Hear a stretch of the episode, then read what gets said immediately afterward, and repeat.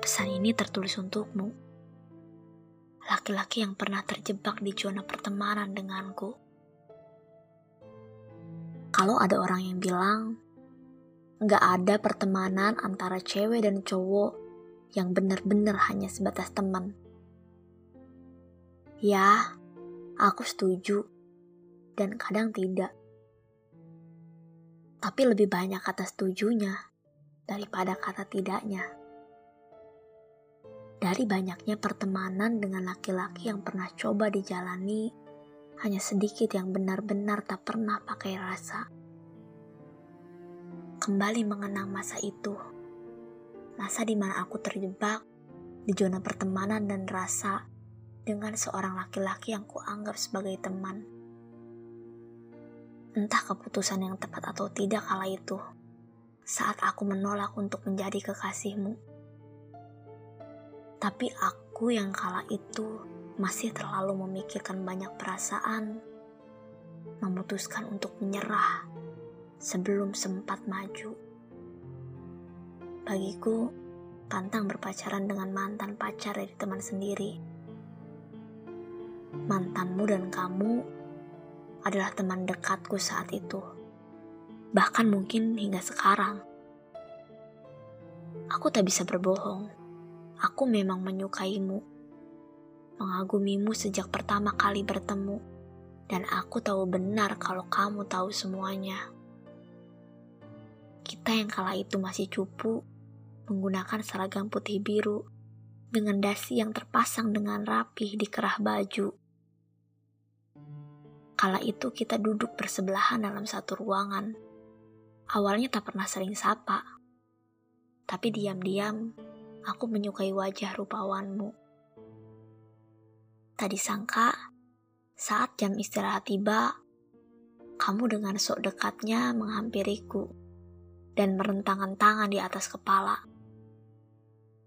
Dalam hati jelas-jelas aku menggerutu. Iya tahu yang tinggi. Perkenalan yang cukup aneh memang. Pesonamu sungguh besar dari wanita biasa sepertiku, sampai wanita primadona sekolah saja tertarik padamu. Tuturmu sungguh santun. Kamu pandai dalam pelajaran. Menghormati wanita yang dikenal ataupun tidak. Menghormati orang yang lebih tua. Dan hal yang paling penting dari semua itu adalah rupamu. Ya, katanya, seburuk apa pun budimu, kalau rupamu tampan, maka keburukan itu akan musnah sudah. Tapi kamu justru memiliki semuanya. Dan semua itu cukup untuk membuat aku diam-diam mengagumimu saat itu. Tadi sangka, banyak teman-teman dekatku juga yang menyukaimu. Ada yang terang-terangan, ada yang hanya jadi pengagum rahasia. Entahlah, budi pekerti seperti apa yang diajarkan oleh orang tuamu, sehingga menghasilkan anak yang begitu dikagumi oleh perempuan ataupun sesama laki-laki. Dari budimu yang baik itu, kamu bisa kenal dan dekat dengan banyak orang, baik laki-laki ataupun perempuan. Tapi aku tak ingat dengan persis sejak kapan kita jadi dekat. Mungkin saat aku merasa tak punya teman lain yang tepat aku jadikan sebagai teman saat aku pindah kelas. Atau mungkin saat aku tahu ketika perkenalan yang cukup aneh itu adalah sinyal kalau kamu juga dulu sempat menyukaiku. Entahlah, aku tak ingat dengan pasti.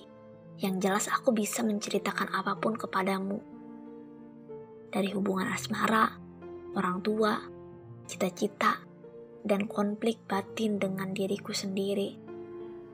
Kamu begitu dewasa, begitu juga ketika kamu menanggapi segala keluhanku. Aku jadi semakin suka.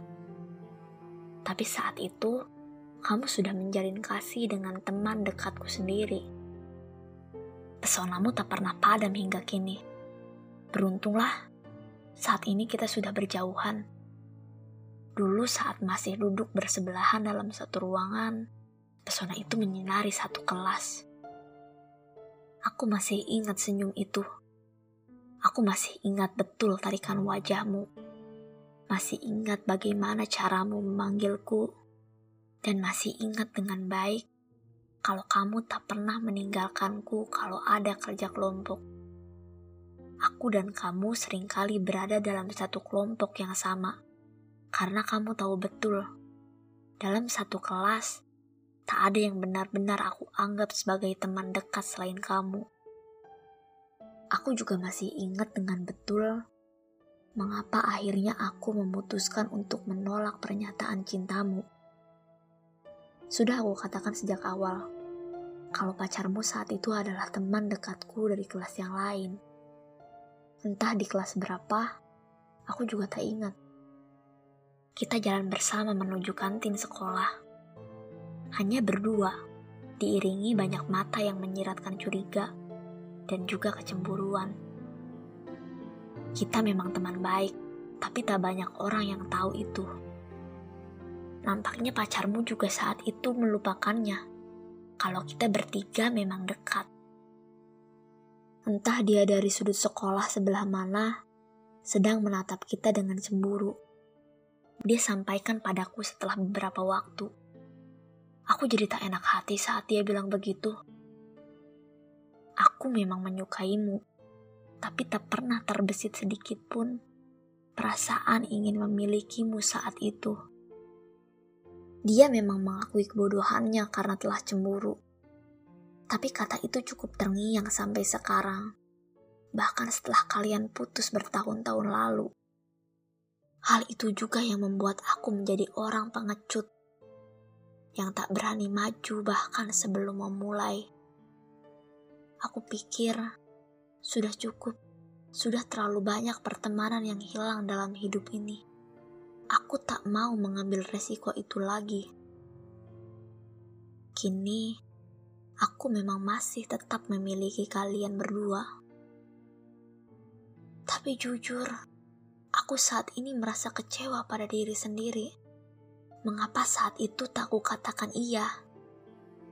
Namun entahlah, apakah itu keputusan yang terbaik atau tidak?